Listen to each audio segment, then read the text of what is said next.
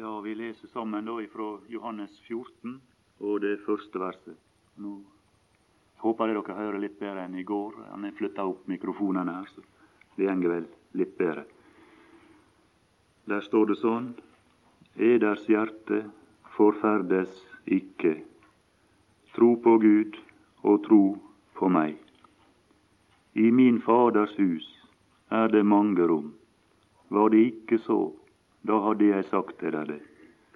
For jeg går bort for å berede eder sted. Og når jeg er gått bort og har beredt eder sted, kommer jeg igjen og vil ta eder til meg, for at også I skal være der jeg er. Jeg tror ikke vi skal lese noe lenger nå. Vi kommer ikke så langt, kan jeg forstå. Vi begynte så vidt i går å si litt om dette aller første her, og nevnte at der fantes en del ting som kunne forårsake at, at hans disipler sine hjerter de blei forferda. Nå når den time nærma seg da Herren skulle gå ifra dem, når han skulle skilles ifra dem. De hadde gått i lag i, i tre og et halvt år. De hadde forlatt alt sitt for å følge Åna. Og så begynner han å snakke om, om sin bortgang. Og så pekte oss på det at det var, det var, godt å legge merke til at han hadde omsorg for sine. Og, og der står i kapittel 13 og vers 1 at like som han hadde elsket sine egne som var i verden, så elsket han dem inn til enden. Like som. Det blei en, en fysisk avstand, kan du si, når Herren gikk hjem til Faderen og så blei de som han kalte sine egne, de blei værende igjen her i verden. Men det var like som han hadde elsket sine egne. Således elsket han dem inntil enden. Det var ikke forskjell på det forholdet. Ikke det aller minste.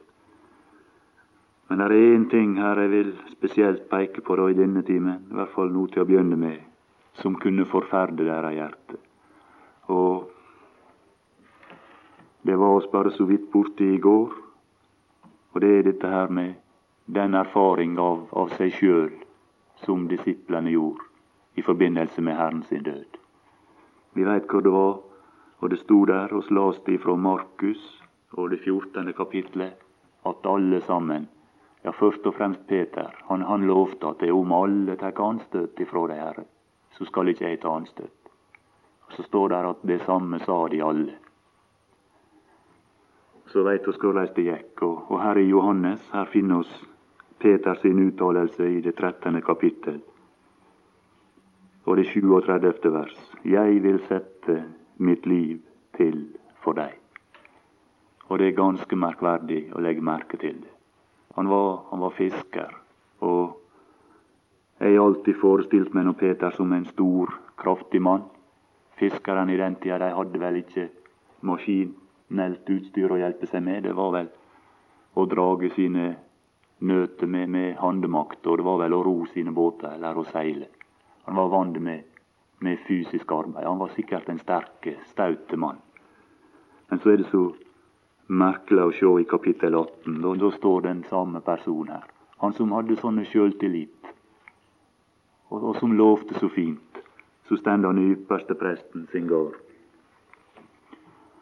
Og der står i vers 17 at, at piken som vokter døren Ja, her står piken.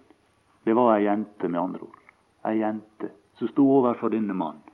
Og så, så stiller hun et lite spørsmål. Og så, og så blir han slått til marka med en gang. Så stender han der, en stor, kraftig fisker, innenfor ei lita jente og er helt vedskremd. Og så glemmer han alle forsett, og så glemmer han alle løfter. Er ikke du også en av dette menneskets disipler? Han sa, nei, jeg er ikke. Ei lita jente, i stand til å skremme vet og forstand ut av en stor, kraftig fisker. Ja, det er merkverdig. Så veit oss hvor det gikk, at han, han fornekta tre ganger. Og så, og så gikk han ut ifra ut ifra denne her ypperste prestens gård, og så hadde han lært ei lekse.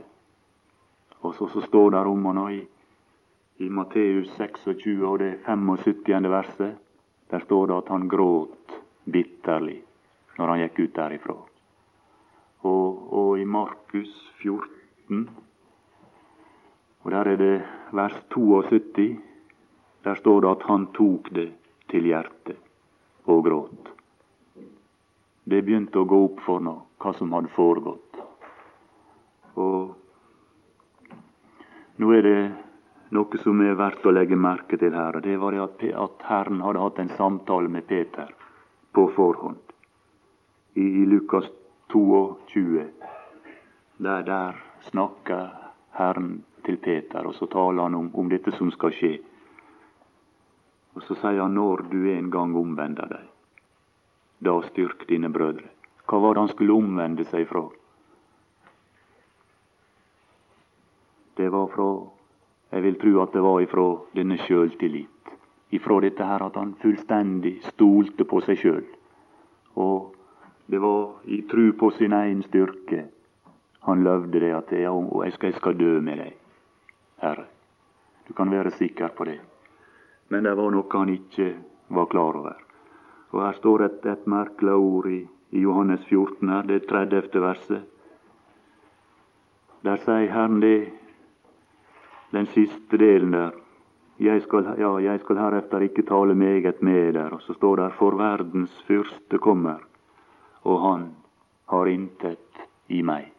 Han har intet i meg, sier Herren. Nei, han hadde når, når verdens fyrste kom til Herren, så fantes der ikke tilknytningspunkt. Han har intet i meg. Men det Peter opplevde, og det alle troende vil oppleve, det er at de opplever at en dag så, så er det til meg han kommer. Denne som er kalt for verdens fyrste. Og så er det mange som opplever at det går som det gikk med Peter. Og hvorfor går det slik?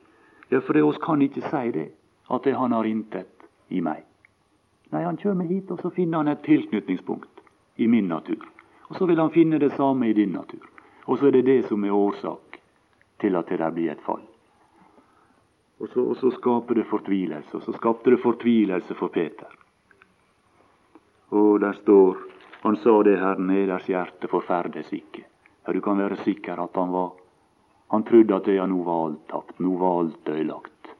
Dette forholdet til den Herre Jesus, som hadde vært så godt, ja, nå var det spolert alt sammen. Han var sikkert han var sikkert sikker på det. Du, du, du kan regne med det.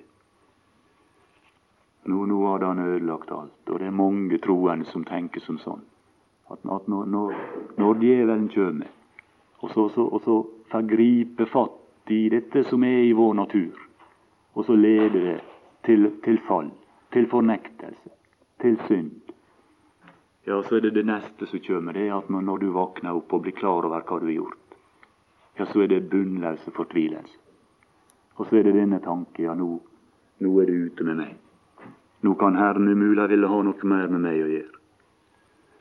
Og så er det kanskje gråt. Og, og, så, og så er det Ja, der sto om Peter at han tok det til hjertet. Det, det, det er vondt her inne. Vi kjenner sikkert til disse ting alle sammen av, av erfaring. Og hvis du er her som ikke kjenner til det, tror jeg kan love deg det at du skal få, få komme til å kjenne til det, du også. Men for min del må jeg si der er noe jeg har fått lov å tru. Tru på Gud og tru på meg, sa han. Der er noe jeg har fått lov å tru når det gjelder det forhold, som gjør at det, mitt hjerte det, det, det blir nok skuffa. Og det blir nok bedrøvet. Men, men, jeg blir ikke dreven ifra sans og samling av redsel. Det, det går ikke sånn. Det er noe som jeg har fått, få tru, noe som han har sagt. Og det, og det, er det han oppfordrer oss til her. Så skal han ta et par vers fra Romerbrevet. Og det, det, var en del ting som jeg hadde Det var et problem i mitt liv når jeg var en del år yngre. Og det var et problem som Paulus kjente til, og som, som ble drøfta grundig i Romerbrevet. Og han sier, og det er den erfaring som, som oss gjør, jeg vet i Romerbrevet 7 og vers 18, at i meg, det er i mitt kjøtt, bor intet godt. Ja, det var en lang periode i, mitt liv at jeg gikk rundt, og så så jeg bare denne side. Og så Dette er så fast for Paulus og så sikkert at han beskriver det i vers 21. Der kaller han det lov. Så finner jeg da den lov for meg. Det var en som hadde gått, og så hadde han tjent. Og så hadde han fornedra seg sjøl, og så hadde han Ja, der står at at han var lydig inn til korset. Han tok en tjeners skikkelse, og så, så skulle han lønnes. Så var det bare hat. Det var hat. Og I Jesajas 49 så syns jeg det er så sårt å legge merke til der i det fjerde verset. Han sier at forgjeves, forgjeves har jeg arbeidet meg trett. Og lenger opp i Ja, det er vel Jeg vet ikke om det er samme kapittel, jeg kan slå det opp. Ja, Isaias 50 vers 2, der er dette spørsmål hvorfor var det ingen til stede da jeg kom? Hvorfor var det ingen som svarte da jeg ropte? Det var snakket om et kall her tidligere i kveld. Hvorfor var det ingen som svarte da jeg ropte? Han hadde ei tunge tjeneste her i verden, den Herre Jesus. Og så vendte verden ryggen til. Så var det ingen som, som svarte. Han kom til sitt eget. Han kom til det som han hadde skapt, til det som han eide, for å ta det i besittelse. Og så oppdaga han det, eller så ble det fullstendig klart for alle at denne verden, den var, som Paulus sier, den var fremmedgjort for Guds liv. Og så, og så kom Herren, og så var han en fremmed i denne verden. Det var på et vis slik at bare med sitt nærvær så dømte han verden så var verdens tilstand fullstendig avdekka. Og så viste det seg at det var Ja, det, det, det ligger i det onde, som, som, Johannes skriver. Verden ligger i det onde. Og bare med sitt blotte nærvær her, så beviste Herren det. Og så var verden, snudde de ryggen til, og så hadde de en tanke. Vekk med denne. Vi må få noe ut. Det er ubehagelig å ha noe her. Jeg tror nok det at hvis når hans disipler så dette, så kunne de bli forferda. Ja, er det sånn tilstanden er? Er det sånn tilstanden er? At det er verden ikke bruk for Herren. Ja, sånn var tilstanden. Men så sier han det. Eders hjerte forferdes ikke tro på Gud og tro på meg. Og når det er snakk om tro, så er det snakk om et budskap som, som skal smelte sammen med meg. Og så hadde han sagt noe, og så var det sagt noe i Skriften som kunne ha den effekt på disse at når de så hvordan det gikk, så, så skulle ikke de bli forferdet. Det var andre ting. De kunne bli, Det var deres egen framtid. De kunne bli usikre med hensyn til sin egen framtid. Vi veit hva det står at, om dem at de var fiskere, og så, og så en dag så kom Herren forbi båten og så, og så sa han 'følg meg'. Det var et kall. Og så forlot de båtene sine og, og utstyret, og så, og så fulgte de Herren. Og så nå begynner han å snakke om at nå, nå skal han fare ifra dem. Det var grunn til å bli forferdet. Vi har forlatt alt, sier de i, i Matteus 19. Vi har forlatt alt. Og så hadde de basert hele sin eksistens på Herren. Ja, hva skal det bli med oss nå når han reiser ifra oss? Og det er et vidunderlig vers i ja, det åttende. Jeg vil ikke efterlate der farløse. En far det er en som forsørger sine. Og det måtte være et trøstens budskap for deres hjerte. Nå hadde de forlatt sine fiskebåter og sine garn og sine nøter. Og så hadde de fulgt Herren, og så nå vil han reise ifra dem. Hvem skulle de da lite på? Og Så sier han det, 'Jeg vil ikke efterlate dere farløse'. Det skal ikke være slik at når jeg drar herifra, så er det ingen som sørger for dere. Nei. Og finne denne, denne usikkerhet og denne skuffelse i disse to som, som gikk til Emmaus i lag. De, de, de sier det at vi, vi hadde håpet, vi hadde håpet. De hadde forventninger som var, som var knytta til Herren. Vi håpet at han var den som skulle forløse Israel. Så står det lenger oppe at de sto stille med sorgfullt åsyn. Det var forferda hjerte. De var skremt. Ja, hva skal det bli nå? Og i Johannes 16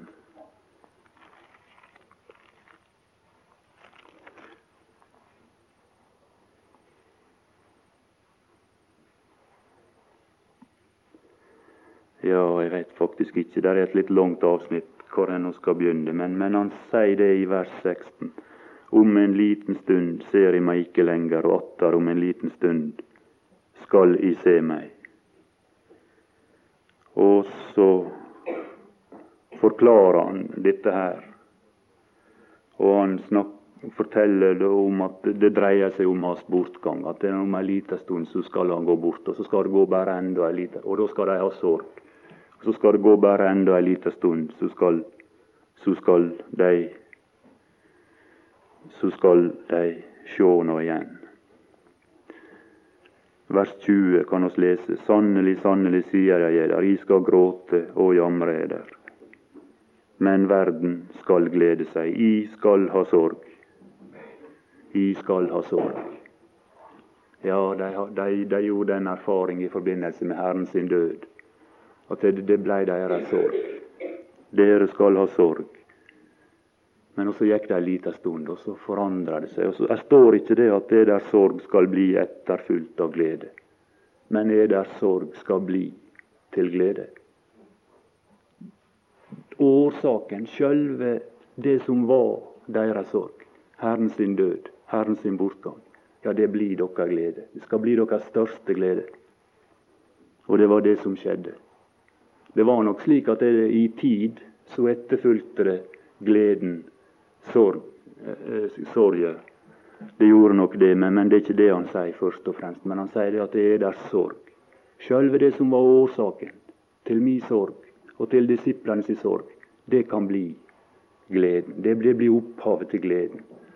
Og Sånn er det for alle de troende. Og sånn var det for disse især. De hadde liten forståelse for korset og for Golgata og for det som skjedde der. Det var sorg. Men det var bare en liten stund. Og så skal det bli deres største glede. Og Hebreabrevet kaller det, det det glade budskap. Det glade budskap. Og, og for Paulus også så, så, var det det eneste som var verdt å forkynne. Det var ordet om korset. Det, det var hans lidenskap, og det var hans glede. Og der er en sanger, han, han sier det meg gleder mest. Er Jesu underfulle frelsesverk. Det meg gleder mest. Der er sikkert mange gleder også for den troende, men der er en ting som er overalt. Det meg gleder mest. Dere skal ha sorg, men eder sorg skal bli til glede. Og noe, det, Den ene sida av dette ordet er ei annen side også. Det gjenger på vår trengsel i, i verden. De erfaringene vi kan gjøre, som er den karakter at det volder av sorg mens det stender på. Og så er det bare ei lita stund, og så skal nettopp det bli opphavet til, til glede. Ja, nå må jeg slutte, men Og det passer nå for så vidt bra, men jeg vil bare nevne at det var én ting til, og, og det er det viktigste, som først og fremst fikk deres hjerte til å bli forferdet. Og det var det som oss var vi litt inne på. Dette her med at de lovte så voldsomt svært. Og legg merke til det verset som går framfor dette 14.1. Legg merke til det som står i slutten av kapittel 13. Peter sier til ham, Herre, hvorfor kan jeg ikke følge deg nå? Jeg vil sette mitt liv til for deg. Jesus svarer, vil du sette ditt liv til for meg? Sannelig, sannelig, sier jeg deg, hanen skal ikke gale før du har fornektet meg tre ganger. Det var et voldsomt løfte som Peter kom med. Og Vi las i stad fra Markus at det samme sa de alle. Og jeg tenkte på det at det som først og fremst forferder deres hjerte, forbindelse med Herren sin død. Og jeg tenkte på Peter. Når han gikk ut der fra ypperste presten sin gård, så står det at det, ja, Markus han sier at han, han, Han tok det til hjertet, og så, og så gråt han bitterlig.